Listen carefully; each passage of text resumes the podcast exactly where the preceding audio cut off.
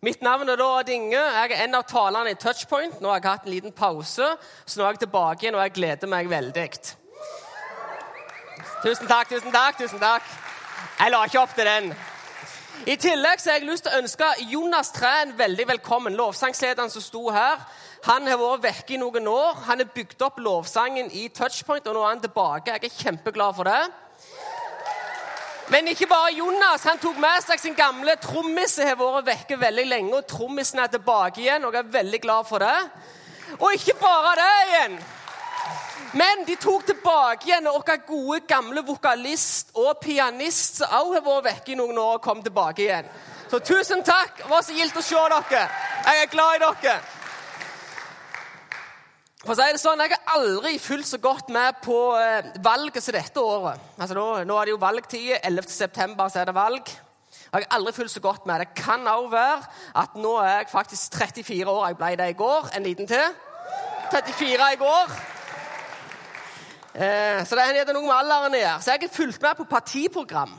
Så jeg har sett litt på hva partiene står for. Og eh, jeg skal presentere ett for dere i dag. Tipp hvilket. Pensjonistpartiet. Det første pensjonistpartiet begynner med, det er dette her. Du kommer til å bli pensjonist en gang, om du liker det eller ikke. Jeg leste det, og jeg tenkte bare 'amen'. Yes! Så kristens amen. For når jeg ble pensjonist, jeg ha så sjukt med hobbyer. Så jeg bare dramste opp. Så Pensjonistpartiet de sier mm, de vil lage et samfunn der det er godt for alle å leve. Pensjonistpartiet vil ikke bare arbeide for pensjonister, de vil også arbeide for unge folk. Og spesielt de som er svake i samfunnet, sier de. Svakstilte. Pensjonistpartiet vil ha mer sykehus, selvsagt. De vil ha mer nei, sykehjemsplasser, selvsagt. Og de vil ha mer helsepersonell. Det syns jeg også er veldig fint. Pensjonistpartiet vil i tillegg at pensjonistene skal få samme lønnsutvikling som resten av landet, for de har vært tilbake igjen en stund nå, eller de følger ikke lønnsutviklingen. Jeg tenkte fy, skam oss.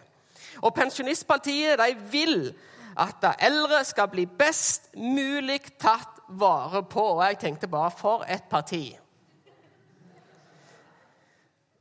På samme måte så eh, Pensjonistpartiet har sitt partiprogram eller partierklæring eller har noe de står for, så har Jesus det. Så nå øyeblikk skal vi lese Jesus sin innsettelsestale, hans første offentlige tale, eller hans stillingsinstruks. Eller hva han ville bruke livet på. Det skal vi se på nå. Det er det samme, dette er den samme talen som Trump hadde da han ble innsatt. Eller Obama hadde når han ble innsatt. Eller for dere som er så gamle og husker når Siv Jensen sto på talerstolen og sa 'Morna, Jens'. Hvis noen så det. Dette er Jesus sin sånn en tale. Og Historien er sånn som dette, at han har vært rundt i Israel og så har han eh, gjort bitte litt. Og Så kommer han til Nasaret, sin heimby. var en liten fun fact. To steinkast derifra. Der er min far ifra. Det er derfor jeg er så mørk. Bare sånn liten fun fact. Og det er ikke tull, det er fakta, altså. Og da står han og, eh, på talerstolen, og så sier han dette her. Herrens ånd er over meg. Det står i Lukas 4. Herrens ånd er over meg. Eh, for han har salvet meg til å forkynne et godt budskap for fattige. Han har sendt meg for å rope ut at fanger skal få frihet, og blinde skal få syn igjen. For å sette undertrykte fri, og for å rope ut et nådets år for Herren. Han skal rope ut et nådestår, står det. Han skal ikke bare forkynne, men han skal stå, og så skal han rope, sier Jesus. Det er det jeg skal gjøre. Jeg skal stå og rope, sier han. Og jeg vil rope ut et godt budskap for de fattige. En fun fact til. Hvis du ser i Bibelen når vi leser om fattige, så er det som regel dobbelt betydning. Norsk språk klarer ikke å følge det opp. Det er både de som er fattige fordi de mangler Gud, og de som er fattige økonomisk. Så det er en dobbel her. Mye større. Og der skal han stå og rope ut at det er nåde, det er godhet for dere. Dere, det betyr dere eller de. Eh, jeg er fra Jæren, som hun sa. Eh, jeg skal prøve å oversette underveis. Godt budskap til de fattige skal han rope. Han skal rope at fanger skal få frihet.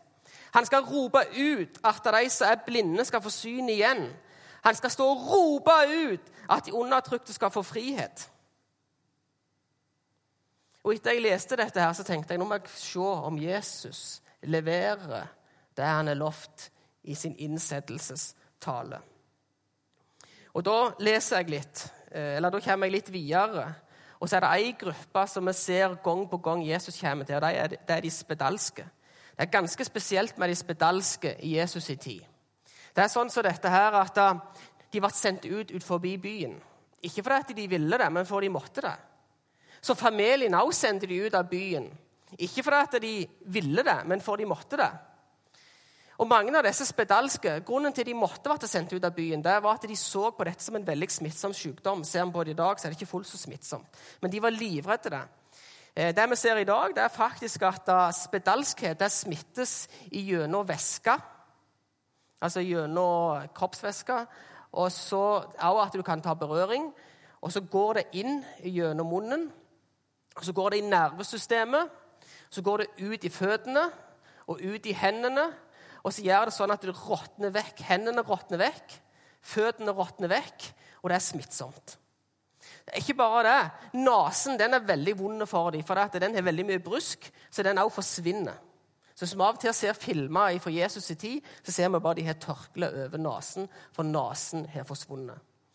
Og så de regel, kan de få en merkelig stemme når det har vært, veld, vært veldig lenge spedalsk, for det er at stemmen krymper. Altså stemmebåndene krymper. Så disse som var spedalske, de var egentlig en sønn eller en datter av de var kanskje en far til ei nyfødt unge. Eller de var kanskje akkurat fått seg kjæreste, og de kunne ikke kysse henne mer. Fy. De var kanskje besteforeldre. De hadde en gjeng med barnebarn. Og de måtte ut. De kunne ikke være med dem, og de kunne ikke ta på dem. Og det er jo helt grusomt, for Hvis vi senker litt i psykologien, så er det sånn som dette, at et menneske trenger noen meningsfulle berøringer hver dag for at vi skal være sunne og gode. Da skjer det noe med oss hvis vi får vært tatt på på en meningsfull måte. eller en god måte. Disse her, de kunne ikke det. De ble sendt ut av byen. Ikke fordi de ville det, men fordi de måtte det. Og ingen kunne ta på dem mer utenom de som hadde denne sykdommen. Og Da ser vi Jesus. Han kommer i Markus 1, 40-42. Så kommer han. En mann som var spedalsk, kom til han, altså til Jesus, og falt ned på kne og ba om hjelp. Om du vil, kan du gjøre meg ren. Så står det Jesus fikk inderlig medfølelse med han. Rakk ut hånden og rørte ved han. Altså, Jesus rakte ut hånden og rørte med han. 'Jeg vil', sa han, 'bli ren.' Med det samme var spedalskheten borte, og mannen blei ren. Taleserien i dag heter 'Typisk Jesus'. Og Hvis vi leser mer gjennom historien om Jesus, så står det det er det typisk Jesus at han får inderlig medfølelse med folk. Han fikk det for denne spedalske. Det er typisk Jesus. Det er typisk Jesus å få inderlig medfølelse. Vi ser det åtte ganger så treffer Jesus noen, og så får han inderlig medfølelse med dem. Den språkbruken i Bibelen den er kun retta mot Jesus. Det er kun Jesus som, som, sier dette, eller Gud. Så det er kun om Gud eller Jesus så det står om at de får en inderlig med, medfølelse med noen. Inderlig betyr i grunn oppriktig eller hjertelig eller intens. Intens kan vi også si. Inderlig. Intens. Andre ord er jo medfølelse. Medfølelse, Følelsesmessig delaktighet i andre sin lidelse sorg eller motgang. Så her ser vi den inderlige, den hjertelige, den intens medfølelse.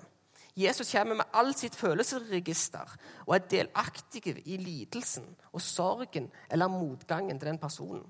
Jeg vet sjøl de gangene livet mitt ikke har vært veldig godt, og folk kommer og gir meg inderlig medfølelse eller hører på meg, vil høre på meg, vil ta imot meg med min smerte, med min sorg. Det er helt nydelig. Og Jesus gjorde det med denne spedalske mannen. Jesus slutta ikke bare med de spedalske, han gikk videre.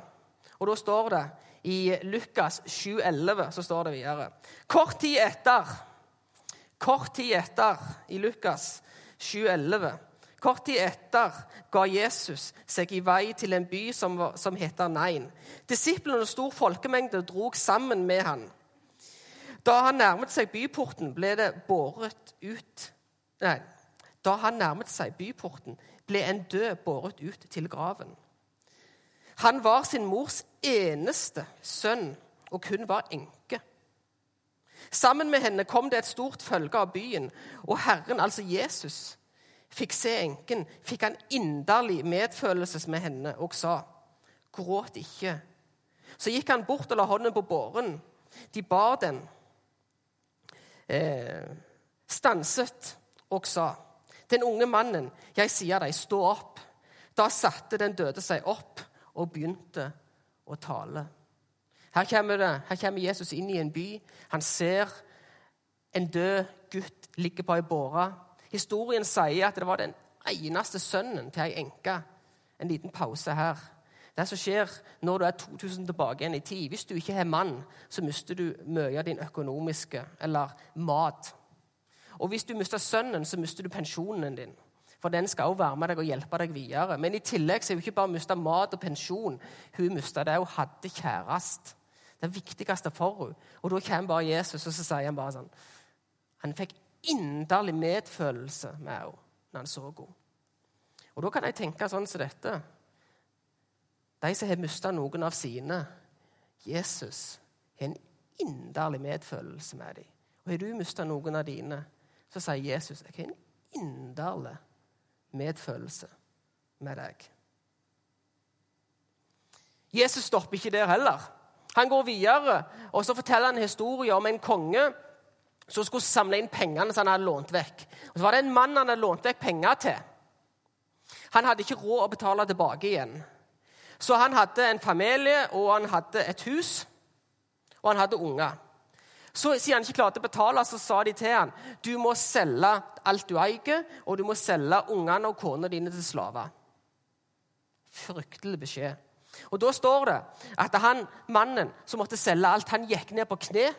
Og så ba han inderlig om at gi meg litt mer tid, så skal jeg komme med pengene. Og Da står det òg Jesus fikk inderlig medfølelse med han. Og så tok han og så sletta han gjelda. Og i dag, når du leser avisene, så ser vi det er mange Det har aldri vært så mye inkasso. Det har aldri vært så mye problem økonomisk.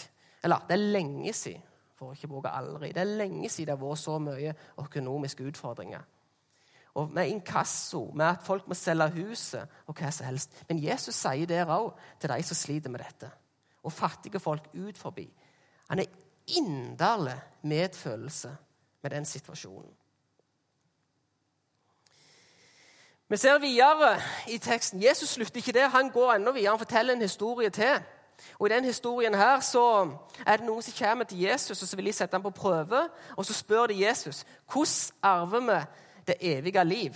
Og Da sier Jesus det er to ting du må gjøre. Eller svaret ble det er to ting. og det er Du skal elske Herren din Gud og hele, hele din kraft, hele din sjel og av all din forstand. Og du skal elske din neste som deg sjøl. Så spør de som setter Jesus på prøve, ja, hvem er min neste. Da forteller Jesus en historie. Det var en mann som gikk fra Jerusalem og skulle han gå til Jeriko. Det er to byer i Israel. Og På veien der så ble han slått ned av en røver.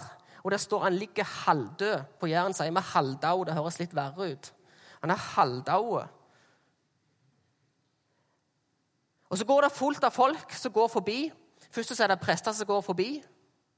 De hjelper han ikke. Og Så kommer det en sigon utenfor. Det er en sigon ikke innenfor gjengen eller innenfor folkegruppa til de som var her. Og han kommer, og så står det Når han ser han ligger der hvis jeg skal si det på godt jærsk, halvdød, halvdød, så får han inderlig medfølelse med han. Så står det da at den mannen tar med seg eller han som ser han tar med, seg han som er halvdød på eselet sitt, tar han med seg til et hotell. og Så steller han foran og så gir han penger til han som eier hotellet. Så reiser han vekk og kommer tilbake igjen og passer på han mannen som ligger der syk.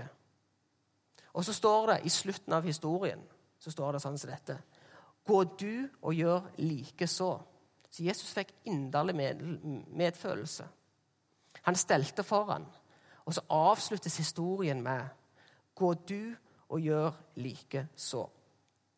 Jeg har lest litt på avisene rundt, og sånt, og da har jeg sett at um, de har tatt en del tester nå for å sjekke hvor, hvor mye empati folk har, hvor mye medfølelse folk har med andre på gata.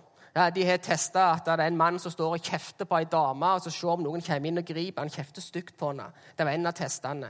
De har sjekket på bussen om folk reiser seg når det ser ut som noen er veldig syke, om de reiser seg for dem og gir plassen. Og så er det vist at det, var ganske, det sto ganske dårlig til med samfunnet vårt i disse testene. Så jeg tenkte jo fillen heller, jeg må gjøre noe med dette. Så på, på, lørdag så var jeg på sykkeltur, og jeg sykla min vanlige runde. og Jeg kommer min faste nedoverbakke der jeg får god fart og får lov å legge meg i svingene. og jeg elsker dette. Men så står jeg, så kjører jeg, sykler jeg nedover, og så ser jeg det er en bil som står i grøfta, og så er det ei dame som står sånn som dette her, og så tenker jeg fillen heller. Eh, gå du og gjør like så. Så jeg eh, måtte bremse, og så måtte jeg sykle i oppoverbakke. Så sykler jeg opp til hun, og så står hun der, og så spør jeg trenger du hjelp. Så står hun her. dette her. Uff, jeg er bare så veldig, veldig, veldig kvalm. For jeg er så veldig, veldig gravid. Så du kan bare sykle forbi. Og jeg klapte meg på skuldra og sykla videre. Gå du og gjør likeså. Jesus har inderlig medfølelse med de som ligger i grøfta. Jesus har inderlig medfølelse med de som er slått ut. Jesus stopper ikke der. Han forteller en historie til. Det var en mann som hadde to sønner. Nå er vi på Jæren. Nei da, han kan ta, vi sier at det er Jæren. der jeg kommer For Jæren er det største bondelandet så å si i Norge. Ausland er litt større, men de satser ikke så mye, så det er det største. Han hadde to sønner. Han hadde en grevlig gard. Det betyr veldig mye på jærs. Det er ikke banning. er veldig stor. En grevlig gard hadde han. Var ekstremt stor. Og det som var med den gården, det var jo ikke bare at han Faren hadde han Eller at, at han var veldig stor bare fordi faren, men det var fordi at old, nei, farfaren hadde bygd på denne gården. Faren hadde bygd på denne gården. Tippoldefaren og tipp-tipp-tipp-tippekongen min Nei, tippoldefaren hadde bygd opp denne gården. Så En dag så kommer den ene av disse sønnene så kommer han til, til faren og så sier han, du, nå vil jeg ha min del av denne gården. så jeg vil, og det som skjedde da, at De solgte halve gården. Halve gården som tipp, tipp, tipp hadde bygd opp. Og ikke nok med det, Han fikk pengene, og så gjør han noe. Da Da reiser han til et langt, land langt vekke. Vi sier det er Hollywood. Og så står det han lever et vilt liv. På engelsk så står det han lever et foolish liv. Et tullete liv. Eller på jærsk igjen et tosjeliv. Et barns, altså han, han lever et dårlig liv, står det. Og Han brukte opp pengene på fest, og han brukte det opp på hore. Bibelen er veldig tydelig der. Og så ble det hungersnød i dette landet, og pengene går opp. Eller at de forsvinner, de går opp i røyken. Han har drukket og spilt de og tult de opp.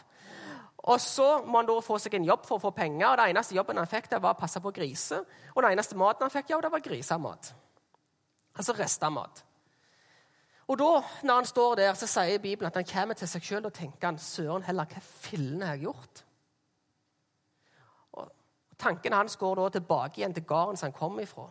Og Der hadde de mange som var ansatte. Og da tenker han dette her. De som er ansatte på den gården, de har det mye bedre eller hva jeg har når jeg spiser grisemat.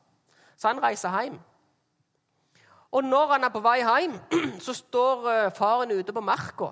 Og så ser han sønnen, og da kommer han liksom ikke i moteklærne lenger. Da kommer han i, i bomsaklær, eller fæle klær. Og så står det, når faren ser gutten som har brukt opp hele gården, så tippoldefaren har vært med og bygd en hel generasjon, alle bygd. Han har spilt og drukket og ødelagt hele halve gården.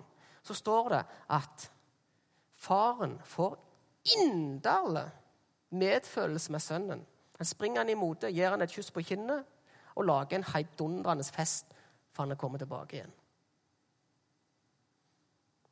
Og Når han får inderlig medfølelse for denne gutten, så er det i den kategorien den som har rota til livet. Han har drevet seg ut. Han er ødelagt for seg sjøl, han er ødelagt for familien. Men For det om, på tross av, så står det at Gud hadde inderlig medfølelse med han. Så personer som er ødelagt for seg sjøl og ødelagt for andre, har Gud inderlig medfølelses med. Og vil lage en fest og vil gjenopprette.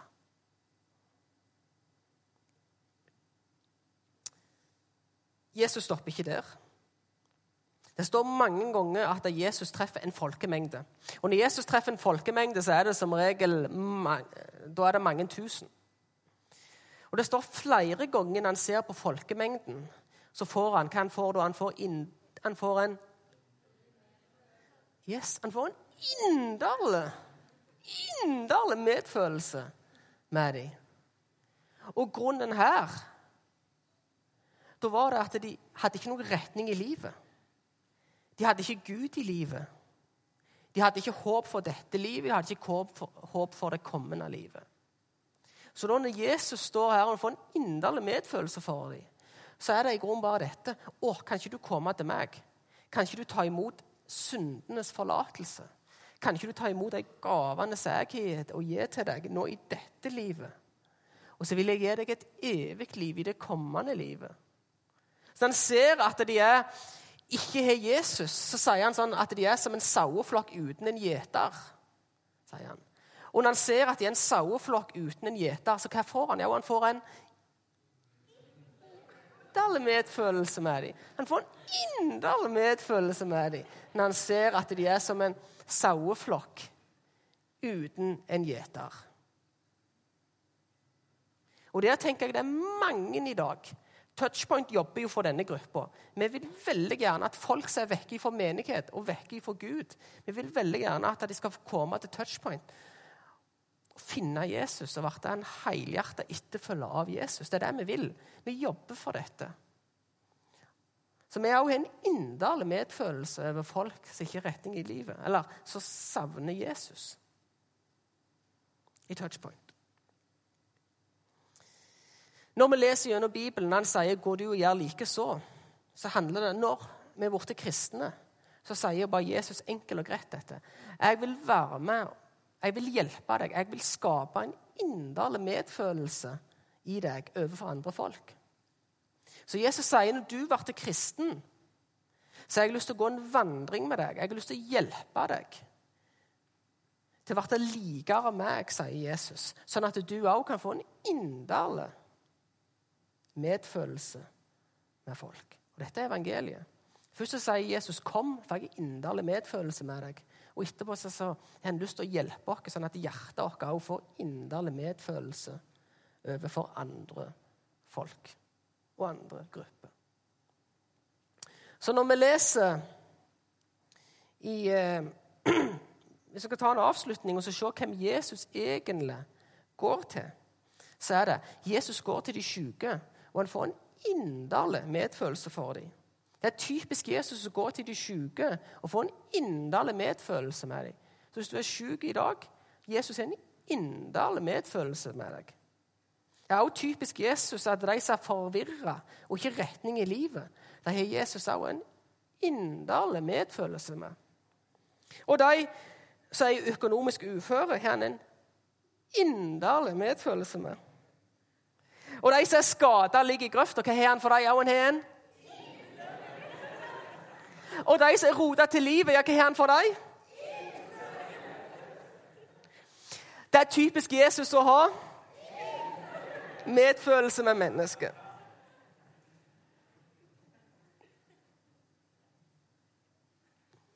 Så når jeg så på Jesus sin programerklæring, eller programtale, så ser jeg det at Jesus leverer.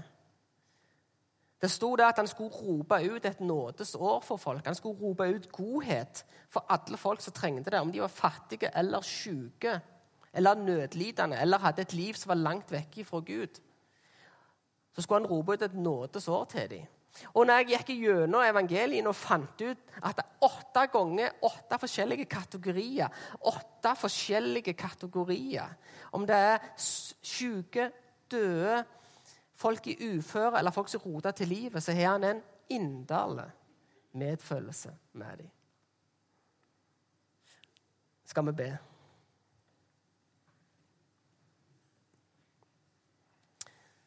Kjære gode Gud. Først av alt så vil jeg takke deg for at du er god. Jeg vil takke deg for at dine løfter står fast, og at du leverer det du har sagt. At du har ropt ut et nådesår, og at det nådesåret det gjelder oss. Jeg takker deg for at du har inderlig medfølelse med oss. Og så har jeg lyst til å be for de som sitter i salen, som kjenner at de er innenfor en av kategoriene, om det er sykdom eller ligger i grøfta eller har vært vekke eller mista noen, så har jeg så veldig lyst til at du, kjære gode Jesus, kommer med din inderlige medfølelse inn i deres liv. Jeg takker deg, Gud, for at du kom nær meg i Jesus Kristus. Jeg takker deg for at du er nær, og jeg takker deg for din omsorg, og at du har inderlig medfølelse med oss. Så jeg har lyst til å be for alle som sitter her, at du må komme ned med din Hellige Ånd. Forandre hjertene, hjelpe oss på den vandringen, så vi kan bli enda mjukere og få en, få en inderlig medfølelse med folk som vi treffer. Så når vi går og ser noen som trenger hjelp, så stopper vi opp, og så får vi en inderlig medfølelse med dem. Og på den måten kan vi være med og hjelpe i Kristiansand, hjelpe i byen eller der vi er. Men mest av alt så vil jeg takke deg for din inderlige medfølelse. Så vil jeg be for hver enkelt som trenger det, at du kommer med din inderlige medfølelse. Hjelp oss å forstå at du har en inderlig medfølelse med oss. Og hjelp oss å erfare at du har en inderlig medfølelse med oss. Amen.